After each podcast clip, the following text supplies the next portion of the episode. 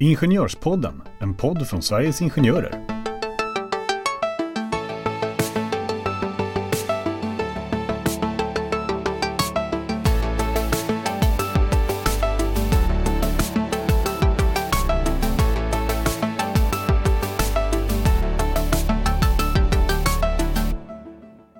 Varmt välkomna ska ni vara till dagens avsnitt av Ingenjörspodden.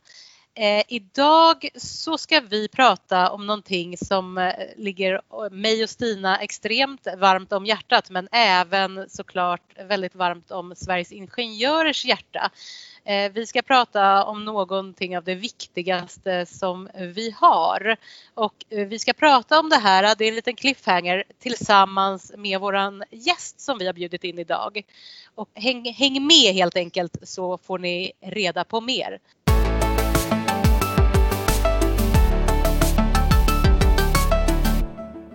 Varmt välkommen Jonas Dreifert. Jag låter dig introducera dig själv. Hej! Hej! Ja, tack så jättemycket. Tack så jättemycket. Superkul att vara med.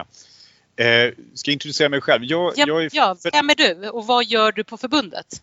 Ja, jag är ju då föreningsutvecklare eh, och med det så har jag som tonvikt då att jag hjälper eller medlemmar att eh, bilda föreningar på, på arbetsplatserna, lokalfackliga föreningar och även att jag är med och utser kontaktpersoner. Så att jag är med och ordnar fler eh, lokalfackliga representationer helt enkelt. Eh, så det både startar starta nya på arbetsplatser som inte sedan tidigare har lokal representation. Eh, men även så hjälper ju också de här föreningarna och kontaktpersonerna att finnas kvar också. Och, ställ, och stöttar också i föreningsfrågor, så här stadgar och inför årsmöten och Eh, kommunikation med medlemmarna och medlemsrekrytering och eh, alla sådana här bitar som, eh, Eh, som ombudsmännen eh, inte tar eftersom de är mer experter på just förhandlingsfrågor och avtalstolkning och sådana bitar. Ja, vi kan ju inte nog understryka hur viktigt det är att det finns eh, förtroendevalda och föreningar. Vi är ju för få ombudsmän sett till alla medlemmar ute i landet. Så det skulle vi aldrig fixa och täcka upp överallt om inte vi hade eh, lokala förtroendevalda. Så att om vi börjar i den ändan Jonas, ungefär hur många föreningar har vi och hur många förtroendevalda? Ja, eh, vi har ju ungefär 800 föreningar eh, och ungefär 400 arbetsplatser där vi har kontaktpersoner. Eh, så totalt så täcker vi då ungefär 1200 eh, arbetsställen.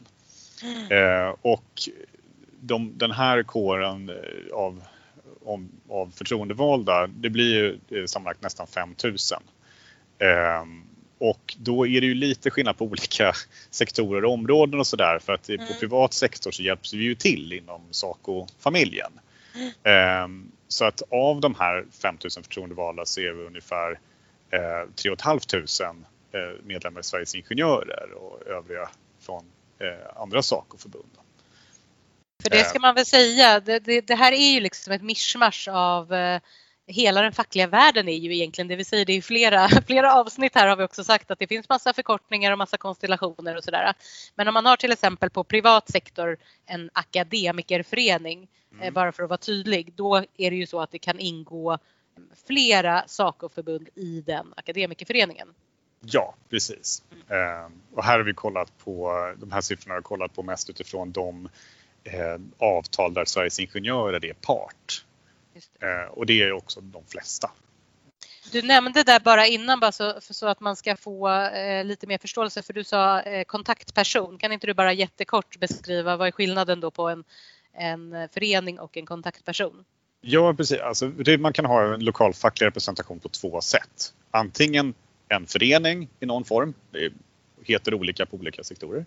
Eh, och då är det ju som en vanlig liksom, förening, man har ett årsmöte och det är ju då årsmötet som är högsta beslutande organ och det är de som då förfogar över stadgar och de väljer också sina eh, representanter, det vill säga styrelsen. Um, och det är ju jättebra, en jättebra organisationsform på större arbetsplatser där vi har många medlemmar. Men sen kommer man till arbetsplatser där vi kanske bara har en handfull medlemmar eller en eller två. Uh, och då blir det lite mäckigt, man ska liksom bilda en förening. Mm. Så att då kan vi istället ha en eller två kontaktpersoner. Och då rent formellt så är det inte medlemmarna som väljer, även fast vi alltid inkluderar dem i alla fall, utan det är, formellt så är det förbundet som utser kontaktpersoner att representera medlemmarna. Men oavsett om man är förtroendevald i, i att sitta styr, i mm. styrelsen i en lokalförening eller om man är förtroendevald i, av att vara kontaktperson så är man likväl förtroendevald på samma sätt i lagens mening. Precis, det var lite det jag ville komma till för att eh, du pratade ju om kontaktpersoner bara så att ni som lyssnar där ute vet att man har samma eh, befogenheter som eh, vilken förtroendevald som helst i en förening. Men det leder mig vidare på hur då förbundet jobbar med att bilda föreningar, Jonas. Jo, men det, det, är ju att stötta och hjälpa och uppmuntra och locka till medlemmar till att bli intresserade av eh, fackligt arbete, lokalfackligt arbete och inse hur viktigt det är. Och det är ju för deras egen skull. Alltså hela, jag brukar ju förklara liksom, svenska modellen, alltså liksom det här samförhandlingsmodellen eh, med att det, det behövs lokala företrädare som kan Eh, ta lokala frågorna. Vi från förbundet centralt, vi är ju jättesvårt att sätta oss in i hur en omorganisation skulle eh, på ett, ett specifikt företag, hur det skulle påverka våra medlemmar i deras vardag. Utan det är ju självklart de själva som har störst insyn i det och därför är det också såklart de som ska med ett fackligt mandat eh, vara med och förhandla gentemot sin egen arbetsgivare. Eh. Men, men, ett sådant typexempel brukar jag tänka på är till exempel en, en tillsätta, tillsättning av chef. Om vi får en sån förhandlingsframställan centralt så är det väldigt svårt för oss att ta en sån förhandling. Eh, ja. generellt medan eh, det är ju självklart en jätteviktig fråga som kan påverka otroligt mycket. Men, men det är ju en sån typisk fråga som passar sig mycket bättre om man har lokal kännedom. Ja men precis, för att det är ju så systemet är uppbyggt med, med lokala förhandlingar och finns det inte en lokal part, alltså en, en förening då eller en kontaktperson, då, då faller det lite grann. Mm. På det viset. Just som du säger att vi har jättesvårt att gå in och tycka någonting i sådana frågor. Men vad eh, stöter du på för utmaningar hos förtroendevalda när du har kontakt med dem? Ja, de som är förtroendevalda, då är det ju ofta, eh, alltså från mitt perspektiv så är det ju det här med att engagera eh, andra medlemmar. Mm. Eh, att få de medlemmar man har och även kanske potentiella medlemmar också att, att inse vad, vad gör en lokalförening egentligen? Varför finns den? Och, um, hur funkar hela den fackliga kontexten med att man tar ner förhandlingar på lokal nivå och sådana saker? Vilket mandat har lokalföreningen? Det där är ju ingenting som vi lär oss i skolan eller sådär, eh, mm. utan det finns ett stort kunskapsglapp Eh, bland många av medlemmarna som jag träffar mm. Att de, de har ingen aning. Liksom. Eh, man är med i facket som en försäkring. Liksom att ja, om, om, om jag får problem så finns det någon att ringa. Men, mm. eh, dels så har vi ju mycket andra medlemsförmåner på det, det här karriärstöd och, och de bitarna. Mm. Eh, men vi jobbar ju mycket med att, alltså, jag brukar säga att fackligt arbete handlar om att trivas på jobbet. Eh, mm. Och det jobbar vi facket med dels genom fixa bra kollektivavtal med bra förmåner och försäkringar och sådana saker. Och bra löner jobbar vi med förstås. Men sen är det det här med påverkansbiten som är en jättestor del av den fackliga kärnan. Eh, det lokala påverkansarbetet. Så det är därför vi har den fantastiska svenska modellen med arbetsgivarens förhandlingsskyldighet gentemot oss och gentemot då en lokal part om det finns en sån. Ehm, och, men, men det här vet de flesta eh, inte, de känner inte till det riktigt. Eh, Men är det inte så, för vi, vi pratade här i vårt eh, förra poddavsnitt så pratade vi med internationella sekreterare, Jenny Gränsman. Lyssna gärna på det avsnittet, jag gör lite reklam för det då. Men där pratar vi också om svenska modellen och även internationellt att man, man, man kanske inte, om man tittar på den svenska modellen så kanske man inte känner till just som du säger att det där är hela tiden att man måste nöta. Vad är den svenska modellen? För att många eh, i Sverige tar mycket för givet. Men det är inte för givet utan det bygger ju på eh, att den svenska modellen eh, är en fungerande modell. Och den blir ju inte så fungerande om det inte finns eh, lokal representation tänker jag. Nej precis. Eh, och som frågan där, svårigheter som de förtroendevalda möter så är väl just det här kunskapsglappet som finns hos Mm. deras medlemmar också. Så att, eh, det, det, men det brukar ju liksom, så fort man får eh, medlemmars uppmärksamhet och har en chans att förklara hur det funkar eh, så köper ju alla, gud vad bra, det här är ju fantastiskt den här modellen vi har med kollektivavtal och liksom, här, modellen för handelsskyldighet och sånt där. Självklart ska vi ha en lokal förening. Mm. Eh, så att det är oftast inte nå- någon utmaning när man väl får, får fylla det där kunskapsvakuumet. Men eh, Jonas, nu har du pratat om de här utmaningarna som kan vara utmaningar hos förtroendevalda. Vad har du för utmaningar då i din roll som föreningsutvecklare? Ja, nej, men det är ju inte egentligen att få dem att gilla idén om lokalfackligt arbete utan det är ju just att få tillfället att träffa dem, att nå fram till, till medlemmarna med, med det här budskapet. Eh, och det sätt jag hade att arbeta innan coronan kom, det var just det här att, ha, att ordna fysiska träffar på arbetsplatsen där man får alla medlemmarna på en arbetsplats in i ett rum och så får jag deras, deras öron några minuter där jag kan förklara liksom vikten av, eller förklara bakgrunden, vad är den fackliga kontexten, hur ser det ut och liksom hela svenska modellen och lokalfackligt eh, arbete. Eh, får jag väl göra det, då köper de det, det är inget problem. Utan utmaningen det, det ligger liksom att komma fram och det är ju som med alla andra budskap. Vi, vi, vi får ju slåss liksom med vanliga reklambudskap om att man ska köpa bil liksom, på samma sätt. Som, Alltså det är det här kon- konstanta informationsflödet som vi bombarderas med. Men ehm, det är inte att, ja som sagt, det, svårigheten är inte att, eh, att få dem att köpa idén och, och gilla det. Men sen kommer man till nästa utmaning och det är ju såklart att vi måste ju ha individer som faktiskt väljer att engagera sig. Och där kan det ju vara lite trögt ibland. Alla gillar idén om att ja, vi ska ha en lokalförening. Okej, men vem gör det? Vem sträcker upp handen? Mm. Och där är det väldigt olika. Eh, tack och lov finns det ju folk som sträcker upp handen direkt. Så, ah, men det här låter jättekul, jag, jag testar på det. Liksom. Medan andra de vill eh, fundera ett tag eller de vill bli personligt tillfrågade eller de vill att de andra medlemmarna ska nominera och rösta fram. Men det, där får man ju använda lite olika liksom, eh, påtryckningsmedel om man säger så. Mm.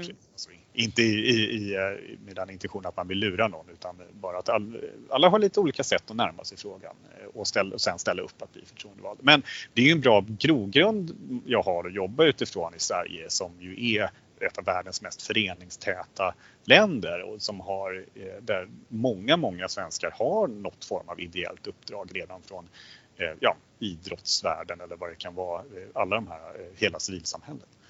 Men om man är nu medlem eller förtroendevald och lyssnar på den här podden som också ska vi säga, det är ju en podd som vi hoppas att ni som är förtroendevalda kan också rekommendera till era medlemmar eh, att lyssna på för att bli just mera upplyst om arbetsrättsliga frågor och hur eh, det hela fungerar. Men vad gör man då om man antingen är medlem eller förtroendevald och känner att eh, ja, men nu vill vi liksom ta eh, steget vidare, vi vill utveckla vår förening eller, eller vi vill bara starta en förening. Kontaktar man dig eh, på ditt privata hemnummer eller hur gör man? Självklart, jag Ja. svarar dygnet runt. Ja, såklart. Nej men precis, dels så, så finns det ju ehm, alltså alla anställda på förbunden kan ju hänvisa till, till mig och mina kollegor som jobbar med de här frågorna. Eh, Men vill man nå oss direkt så finns det ju en mejladress som heter kontakt akademikerforening.se. Vill man läsa mer om uppdraget oavsett vilket förbund man är ifrån så kan man gå in på eh, www.akademikerforening.se eh, eller gå in på sin, sitt förbunds hemsida som oftast har en hänvisning till den här gemensamma sidan. För att där har vi ett verktyg där man eh, lätt eh, själv kan bilda en, en förening. Mm. Det måste inte gå via, via mig eller via, via någon av de anställda på, på förbunden utan det här kan man göra själv och vi har lagt upp det här verktyget eh, och det används ganska, ganska ofta. Och där finns det ju också liksom om vi läser mer och grottar ner sig. Vi har ju har gjort filmer där förtroendevalda förklarar eh, att, hur bra och viktigt det är att ha en lokal förening. Att det är roligt att vara förtroendevald och utvecklande. Eh, och så har vi ju liksom de, de verktyg som man behöver. Vi har stadgemallar, vi har mallar för dagordning och sådana saker. Så att det här kan man riva av rätt fort. Eh, bara man har då, ska vi säga, flika in det, för att kunna bilda en förening så måste det vara minst tre medlemmar Mm. som ställer upp. Minst tre, men sen finns det egentligen ingen formell Men i annat fall kunde man vara kontaktperson som vi pratade om där i början av vårt avsnitt. Ja men precis, som Mm. på Så det- mindre arbetsplatser och då får man ju ta kontakt med, med, med sitt förbund. Och vi har ju redan varit inne på det här, vikten av att ha den här lokala förankringen, men om vi ändå skulle liksom ställa frågan och, och kanske få det här brandtalet. Varför ska man vara förtroendevald? Nej, men det är ju påverkansbiten, att eh, vara en del av sin vardag. Att få vara med och påverka, få genom ett fackligt mandat eh, kunna påverka sin vardag på jobbet. Eh, för det är som jag sa förut, det handlar ju om att trivas på jobbet. Och en viktig del av det är ju att man får tycka till, att man får en röst, att man får information om vad som händer på företaget och en möjlighet att eh, uttrycka vad, vad, man, eller vad medlemmarna eh, tycker om hur arbetsgivaren, alltså hur, innan arbetsgivaren fattar besluten. Det gemensamma är ju att man eh, vill ju såklart företagets eller arbetsplatsens bästa. Eh, så att tillsammans med arbetsgivaren jobbar man ju för att det ska vara en arbetsplats som alla trivs på och som det går bra för. Mm. Ja, det där är ju fina slutord tänker jag för den här podden. Men eh, Jonas, innan vi avslutar podden, har du något mer att tillägga eller något som du vill understryka igen eller sådär?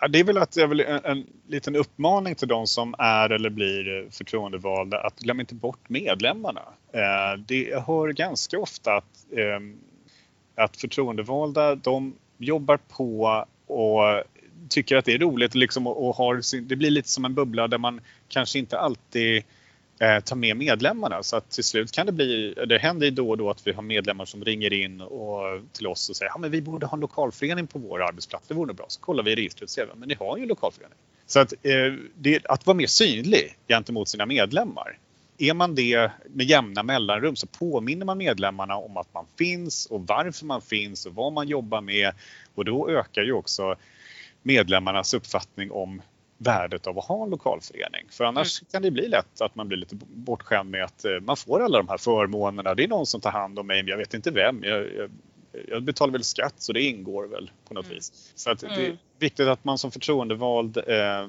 ständigt påminner medlemmarna om att man finns och, och, vad man gör. Inte bara genom att man kallar till årsmöte en gång per år utan att man har någon kontinuerlig medlemskommunikation. Ja men precis och det där blir väl också att eh, synliggör man eh, sig för medlemmarna så kan det också få den här positiva effekten som du pratade om innan att man också eh, kan tänka sig att engagera sig för att man också ser själva föreningen. Det blir ett arbete som om det syns och det finns bra rutiner för det så blir det en naturlig del av ens vardag också. Facket blir ett naturligt inslag på arbetsplatsen. Ja men absolut och, och där, det händer ju ibland att arbetsgivare hör av sig till mig där de säger att nu har den här eh, lokala representationen vi har haft, den har försvunnit så att kan ni, eh, hjälp, kan ni försöka fixa en ny? Alltså de vill inte, arbetsgivaren vill inte vara utan en lokal eh, part. Eh, de ser ju också hur den här modellen haltar då. Eh, jag ville bara också bara nämna att vi gjorde en undersökning bland våra förtroendevalda för ett tag sedan där vi ställde frågan om man tycker att det lokala fackliga arbetet som man gör, om det påverkar positivt på arbetsplatsens verksamhet så var det ju typ 95% som svarade ja. Eh, så att det här funkar nästan alla fall. Och det skulle inte göra det om inte heller arbetsgivarna var lika positivt inställda heller. Så det här är en modell som, som alla gillar och därför ja. funkar det. Ja, men det. Och det får bli slutorden. Den svenska modellen, något som alla gillar, den funkar. Jonas, tusen tack för att du eh, kom hit. Jag och Stina är superglada för det. Vi tycker du gör ett fantastiskt arbete och eh, vilket också bidrar till eh, att vi har alla förtroendevalda där ute som också gör ett fantastiskt arbete. Vi säger bara hej då helt enkelt.